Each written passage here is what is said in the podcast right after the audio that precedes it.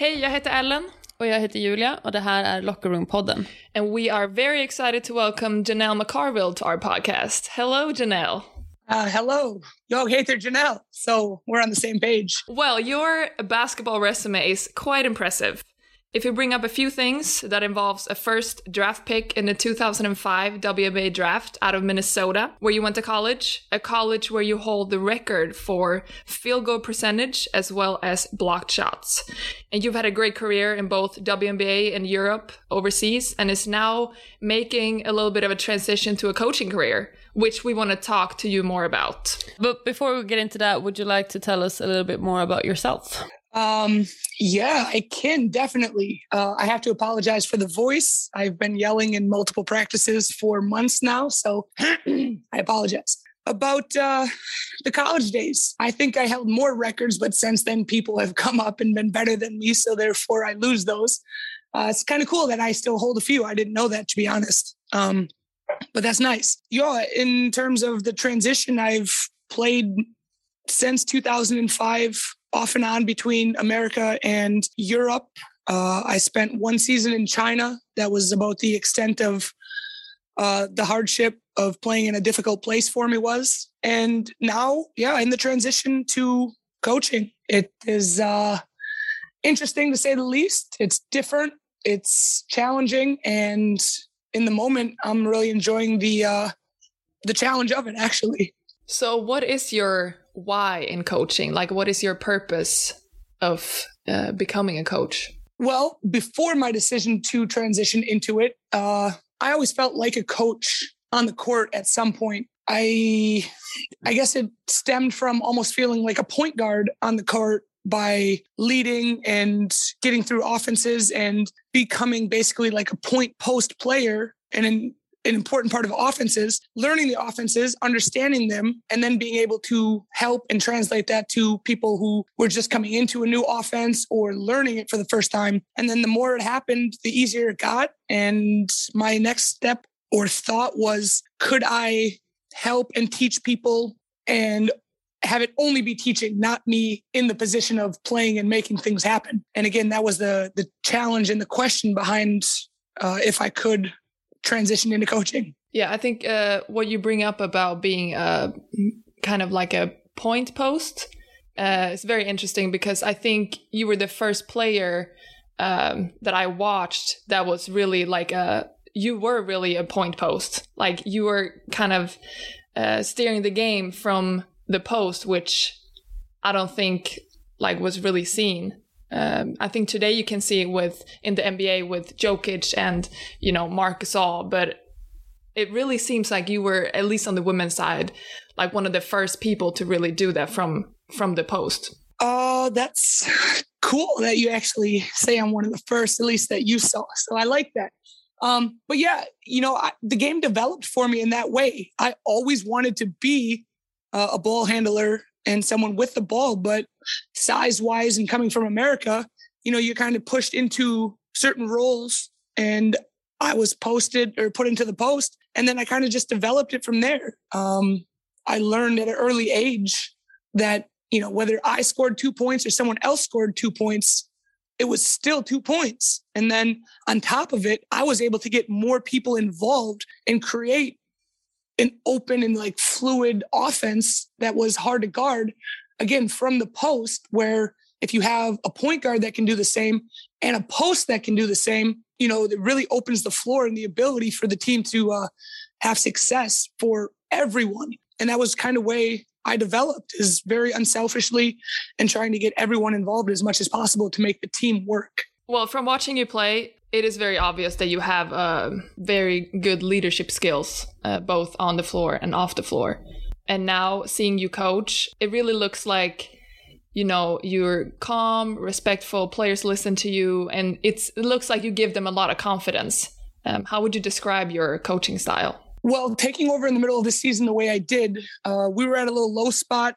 Uh, people did lose confidence, and we just didn't really have the understanding and the the ability to get what we needed out of offenses and people. Truly. So in my takeover, I really try to preach confidence and you know just put people in position to be successful in terms of uh, you know individual ability. If you can do this, do that to the best of your ability. Put yourself in as many of those situations as possible. Whether it be you're a shooter, how do we get you shots? You're not a ball handler. How do we keep you involved in the game without putting you in a position to handle the ball? You're a post player. You know, how do we get you in position closer to the basket to make you successful? Mid range, you know, all of that. I just kind of went through it, talked with people individually, tried to hype them. And when good things happened, emphasized it. I, you know, in, in my coaching aspects through coming up in Sweden, I was told I'm, you know, too negative. I need to be more positive and hype things more, which I've learned and grown to. But at the same time, take the negatives and have it be a teaching point. It's not a negative like you messed up and you deserve to be yelled at. It's you messed up. Let's talk about it so the next one doesn't do the same mistake. And just try to clear things up and make, you know, rules and guidelines that were easy to follow and everybody could I mean basically be on the same page. Yeah, and I think it's it's very different if you have a coach where there's respect both ways to have a coach to yell at you or to have a coach where like you don't really know the coach or it's you know that's two completely different things for me i think and that's kind of what you know i've heard from some people even again to preface this i coached uh, 04 girls for the first three years i was in Alvik and even them telling me they liked that i was a player and could tell them in that situation what a player should do. It wasn't, I was just a coach and say, run faster, play harder. It was, how in that situation do you do these things? And then again, taking it to the next level, being the assistant on the men's side from the beginning of the season, it was that. It was the same thing. Players explained and said, you know, I like the fact that you can break it down and make it easy because you ran it. So it's it's simple. You just talked it through where a coach who hasn't just tells you to do it and you know doesn't have the background behind it so it was really kind of nice to hear that from from the players to get that feedback and it just pushes me more in the right direction so there's like a mutual understanding there between coach player and yep like you said between coach and player that i've been there and now putting them in the same position they understand it because we just discuss it it's the conversation at times not a dictatorship where i just tell you to do it so right now you're coaching both youth teams and also men and women. Would you say that your coaching style changes between the teams and also between uh, men and women? Yes, to all of the above. Would you like to uh, yes. explain it? yeah. Okay. So now I'm not coaching youth. Uh, I guess at NIU it's 10, 11, 12, 1, 2, 3. I don't know your grade system. Yeah, gymnasiet. Yeah. Yeah, that is my youngest age. And with them, it's more give it to them and see what they can do and then help them try to expand it. It's not a coaching team situation. It's really truly individual since everyone comes from a different club. They all run different offenses, they all run different defenses. So my approach to them is all individual offensive tactic, shooting, inside footwork, pivot footwork. And then defensively, I try to give them everything how to play side, flat, hard hedges, switches, traps. We discuss it because, regardless of if they play it with their team now, going forward, they need to have the understanding of how to do it. And it'll already give them a step up going into that new team, in my thought. With uh, the women, they like to know exactly everything. Like they want to have all details. Um, and you know, clear guidelines. With the men, they want to get the information and they just want to go balls to the wall. You know, you never have to tell them to work harder or run faster because every possession, sometimes you got to tell them to slow down in order to actually get the timing and the footwork right. You know, they travel before before anything because they're so fast through the move. And I'm, you know, like calm down, boys. you know, like get your footwork right, build it, and then go. So there's a huge difference from gymnasium to women to men at least in my moment right now, I treat them all different. Yes. Besides the basketball um, differences, would you say that there's like a group dynamic difference between men and women? I mean, you know, you have to handle everyone differently. And even, you know, going from men to women and then even each individual woman to woman, you can't speak the same or, you know, address the same. Everyone has their own semi learning curve, emotional uh, stability or instability of taking constructive criticism um, and then also wanting to put it into play. Some people are self conscious in the aspect of they don't want to make mistakes, so they don't want to do these things in front of people.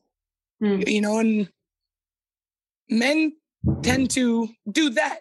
They don't necessarily care how bad they look. They want to try and get better and do it. Where you know women might be a little bit more reserved and try, but not fully try and give their best in some ways. Yeah, and that probably comes with the environment of society in general. You know, how, like, even in school, there's always those little young boys that are being annoying, but the teachers don't really say anything. But if there's a girl that is a little loud, it's like, you know, she gets the hand right away. So maybe it, it kind of stirs from mm. from there. Yeah. I encourage them to make mistakes and, you know, step out of their boundaries and, you know, this is the time. So it could be that, but I do my best to combat it. But also, like you said, with um, with people who make mistakes and you try to find them and and correct them, it's like points of improvement. And if you don't make mistakes, how are you going to find those points? Um, right, a hundred percent. If you don't step out of your comfort zone to try, you don't know.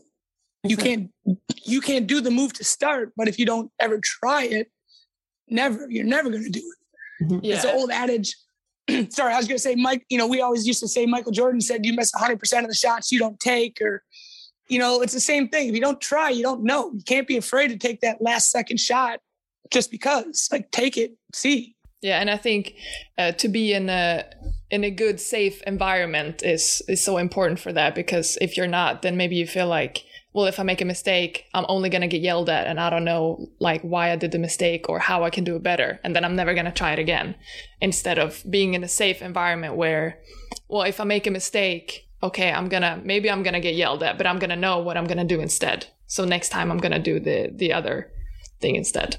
Agreed. I try to force that, not force it, but encourage, make that mistake, learn, improve, become better, you're not going to be perfect. Nobody's ever perfect, but you can try and you can strive for better. And as long as you're getting better, it's good enough.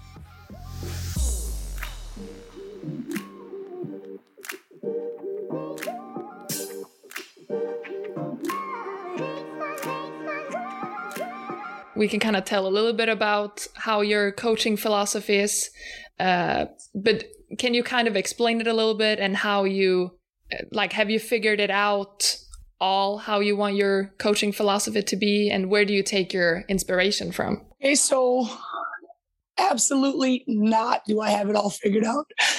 Uh, i have a good idea and a good direction of what i would like offensively defensively my expectations and things like that. But taking over in the middle of the season when habits are already formed and the individual and team structure of a different situation is already in place, uh, it's kind of hard. So in my mind, I made a joke to myself that, you know, if I had a full season, I think I could do a pretty good job uh, creating what I want with the people I have. So yeah, that's that. Uh, the inspiration I have offensively and defensively comes from the experience through the years, all the coaches. I've had good coaches, I've had bad coaches, I've had excellent and terrible, you know, and you can take something honestly from each one of them and and better yourself, whether it be, you know, positive or negative and what not to do. So that's where I've I've kind of uh, derived all of my inspiration and and uh, motivation behind the things that I'm looking for. You know, I learned a lot with the Minnesota Lynx winning championships and with the the leadership and structure and the coaching aspect there, how focused and uh, intense and point driven practices were looking to get specific things because that's what we needed. So each day now with my team, I, you know, review what we've done, the areas of our strengths, our areas of weaknesses, and have tried to approach each practice based on those things how the game went, how the practice before went, and, you know, emphasize it. Bad free throws, we shoot more. Bad passes, we practice passing, you know, transition, we work on transition, things like that. And just to emphasize the areas we need to improve on and then also emphasize the areas that we're good at that we need to do more. So that's how I've approached my short coaching career of practices. And I rambled so much I don't remember if there was a part C to this question. well, I'm curious to know if your way of coaching changes to fit the group or if you change the group to fit you. Because I feel like there's two different ways to go about that. Yo, that's a good question. I think I change for the group and an understanding of their ability and how we can gel together. Because if they don't do what you want them to do, you know, again, taking over in the middle of the season, I can't necessarily hammer it in because it's already been ingrained in us for five months now.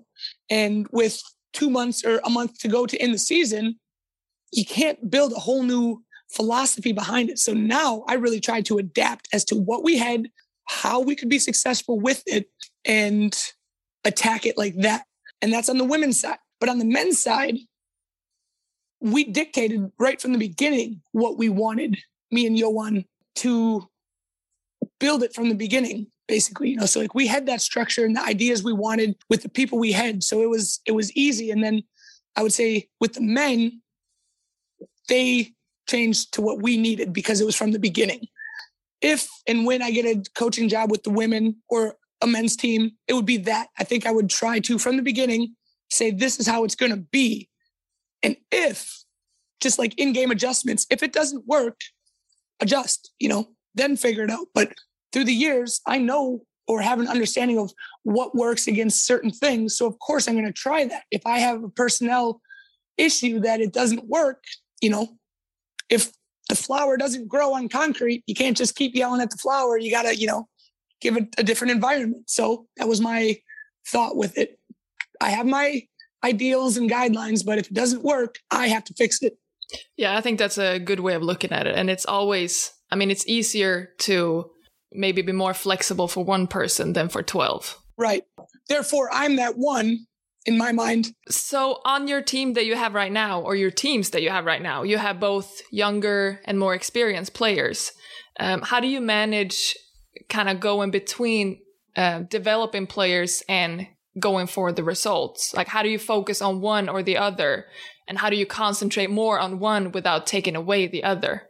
So, with the women, because of Corona, we've had uh, a little bit harder of a schedule with games on Wednesdays and weekends for multiple weeks. Um, and that really took away from our uh, individual development because for us, four practices in a week, we have four practices for an hour and a half each. Uh, and that's on the men and the women's side. It's it's not enough, you know, to get as much done as needed. But in that, you have to really, like I said, do what is needed. So Mondays and Tuesdays tended to be development, and then Thursday, Friday tended to be team preparation for the weekend games. When we started playing games with the women on Saturdays and Sundays or weekends, development kind of went away and it became a warm up drill for your individual ability to get loose, get warm, and expand your your little bit of your bag, whether it be dribbling, passing, shooting. And then it went straight to team development. On the men's side, we don't play so many games midweek. So that's the structure we have. Monday, Tuesday is a little bit more development with playing at the end of practices. And then Thursday, Friday is the the the team focus on the weekend.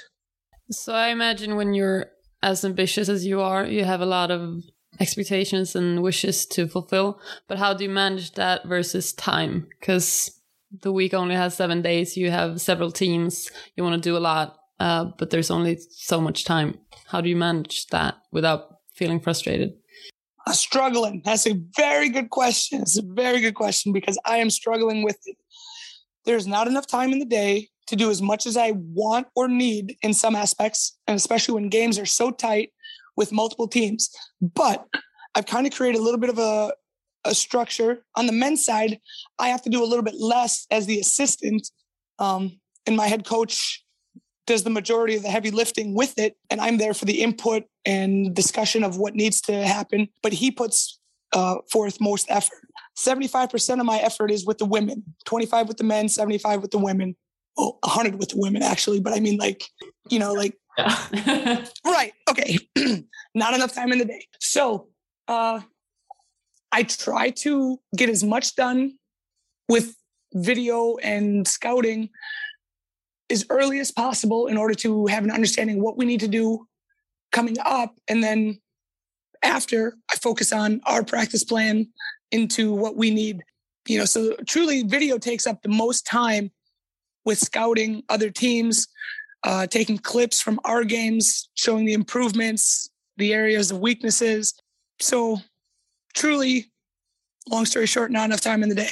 Yeah, and I think I mean there is a difference between like in a in the best world, like you would want to do this and this and this, but there is not enough time to do all of that. Like it would be perfect to sit down with every player every day and have video sessions with, you know, this is how it looks now, this is good, this is bad. But obviously there's not enough time to do all that, which makes sense because you're only, I mean, you're only human. And and one person yeah. also. I tried. I tried to do individual, but again, when we only have an hour and a half practice times and people live 45 to an hour away. Nobody wants to stay after. Nobody can come early. I have practice with the men before practice with the women, so I can't do it before. After it's 10 o'clock, I don't want to stay. Nobody wants to stay. You know, so like it truly is difficult. If there were more people, you know, in a professional staff, WNBA, EuroLeague, you know, things like this, these things are possible. And when you're a professional team, it's possible. But right now, with Alvik, truly we are amateur.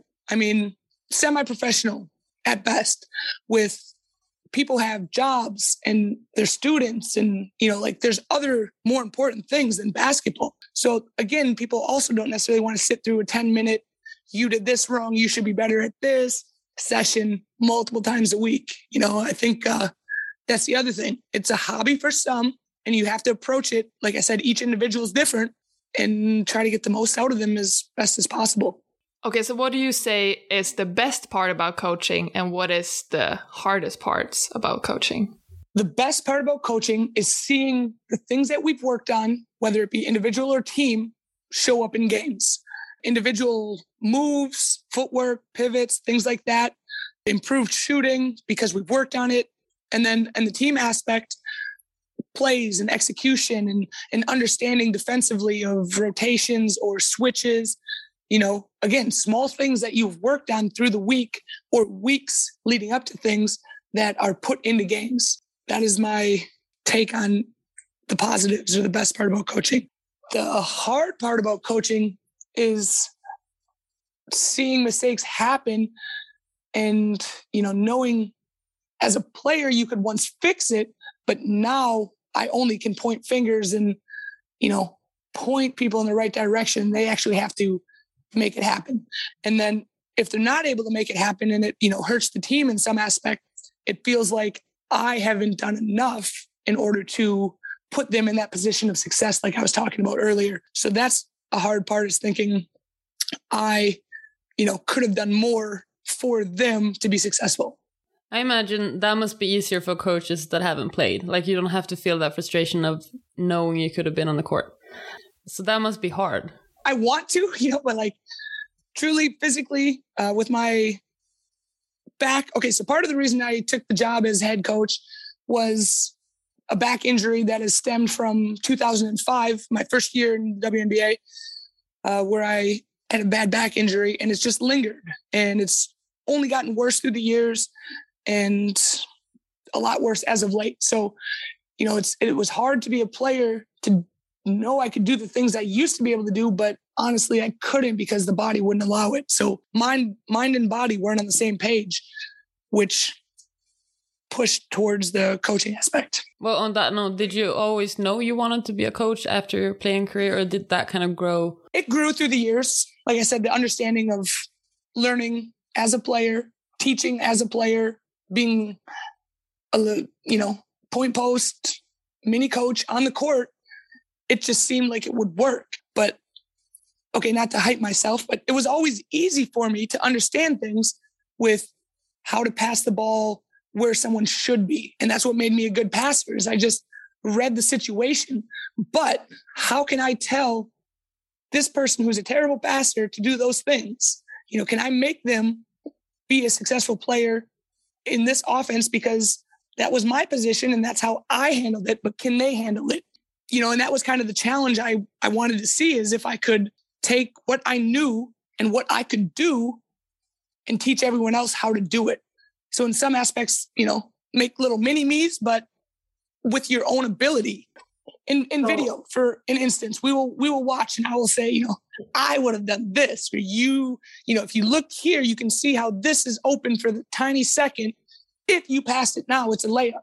But because you passed it a second later, it's a turnover, fast break, and transition three. You know, so just break things down, looking at box scores and stat sheets this happened because of this. And you got 45 possessions because you had 26 turnovers. If you took away 26 turnovers, you would have, you know, 66 or 76 possessions if you had 55. You know, like that's a lot of possessions. You got to, you know, change it.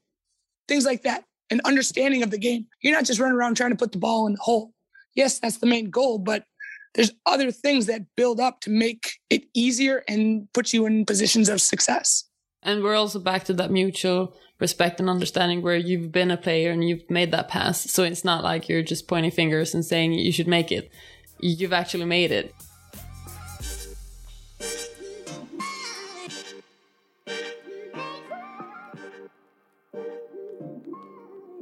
So obviously there's a I think there's a big difference between like an American coaching style and a Swedish coaching style. Do you think you take inspiration from both? And what is what do you feel is the difference between the two? I feel like an american coach. Um, i truthfully haven't had a swedish coach. My first year with oiko when we were in division one i had a swedish coach and that was the first one. And i mean forgive me but you know we were the best team in the league it was easy he didn't have to do much you know there was no real coaching behind it you know, not knocking him, just saying we were a strong team. So I haven't had a Swedish coach. So I don't think I've picked up any Swedish coaching styles. I would say I'm American in the aspect of I yell, I'm loud, I'm boisterous, I have high expectations. I don't settle for excuses. You know, um, I don't like yeah buts. I don't want to hear your excuse as to why. I'm okay with conversation and you know you having an understanding, but I truly hate yeah buts, you know, or I know you don't know you made the mistake you don't know. but I think now also with like the the game being more universal, I think they're kind of you know growing more towards each other. Mm. It's not as uh, polar as it was before. Uh, but I think what you said about like being loud and being very specific and detailed and like having high expectations is very like American. Whereas I think Swedish is more uh, a little calmer, a little like, and then obviously there are coaches that are a little crazy too in Sweden, you know, of course, but. Oh, sorry. I was just going to say some other aspect of the Swedish coach that I th- would think is, or that I've seen is, you know, speed over a layup a made layup. You know, like they emphasize good job on your fast break. You ran really fast. You did a really good job. You know, but you missed a layup. Good job. Mm-hmm. Where I would, you know, uh, uh-uh, I'm the opposite. Slow your ass down. Make the layup. Yeah, yeah, that's very true. But that's also funny because my uh, coach in college was completely different. Like he he was yeah he was he was very like you. He was like, you know, on every layup two feet. Like never go off one foot on a layup and that to me was you know so weird because i came from kind of like you said like we just ran you know, and if you missed a layup, you go back on defense, you know, don't think about it. You miss a layup, you go back on defense. and he was like, if you miss a layup, everybody runs. That's that's the expectation, you know, in the states. It's you got to perform, and you know, even at a lower, not lower level, but college, but you know, not professional. It's still it starts 18, 19. You have expectations you need to live up to. You're on this team, whether you got a scholarship or you fought hard up for a walk on spot there's expectations. And sometimes that gets overlooked here. You work hard, good job. You know, that's all you're expected to do. You miss shots. Nobody says, you know, stop shooting or work on it. You just say, good job, good shot. You know, if you shoot 22% and you keep shooting, you know, you got to improve that. I don't know if people, I know Swedes don't like confrontation. So that could be the other problem with it is they would rather just say good job, where, you know, talk about it. Why are you only shooting 22%? Look at your form. How does it happen? You know, like, do you twist? Do you turn? How could you improve? Are you shooting left or right? You know, but then if people don't take the time to say it, it's just, you know, hey, good job, good shot. You got it. You were open. But you were open because the other team knows you shoot 22%. yeah, that's very true.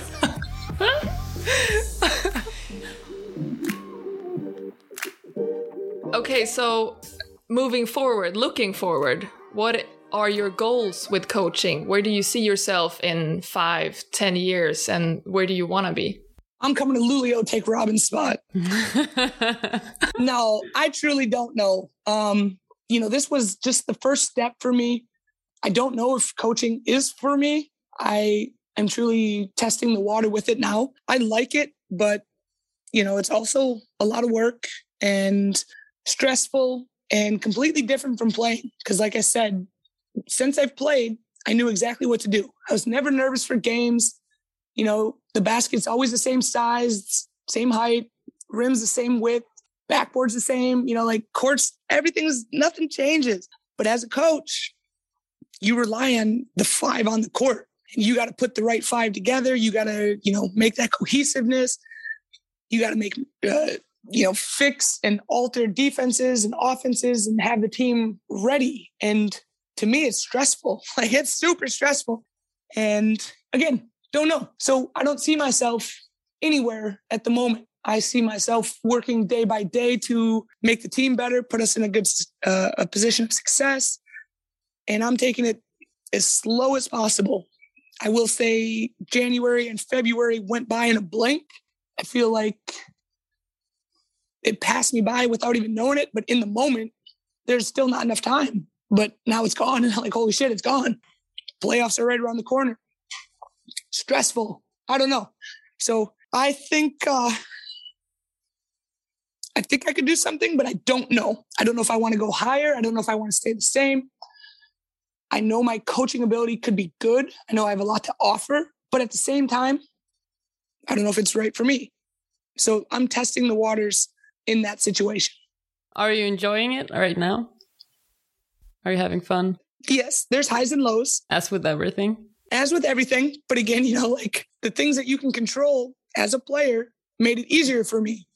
You know, I, I've had the same job for 16 years. It was easy. You know, I, I needed a challenge. So this is the challenge.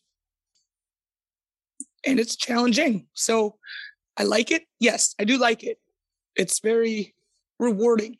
Wins and seeing them translate what went on in practice into games is rewarding.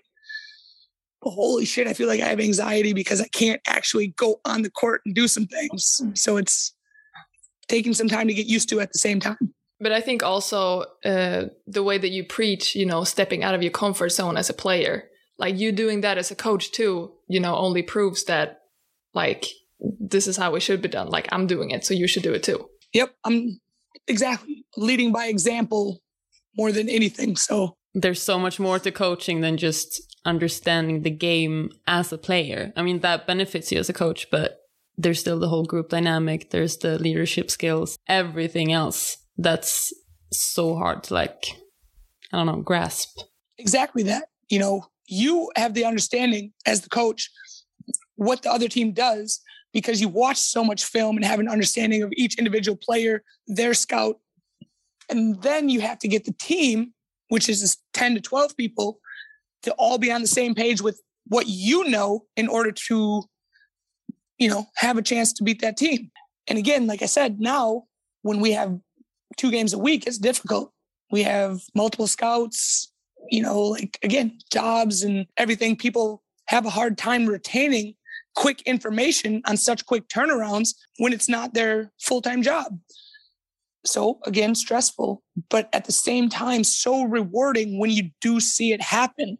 And if I help one person here or there in a situation and they take that from that one situation and apply it to the others going forward, that makes it easier. You know, and then that's growth on the individual level. And again, that's rewarding to see.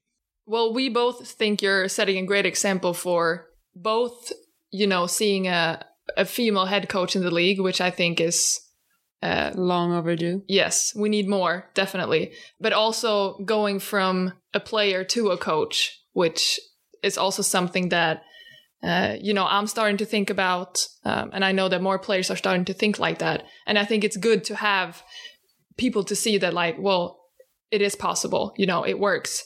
Do you have any advice that you could give to upcoming coaches or people that are thinking about uh, going the path that you have done now? Similar to what we've talked about. If you don't try, you don't know.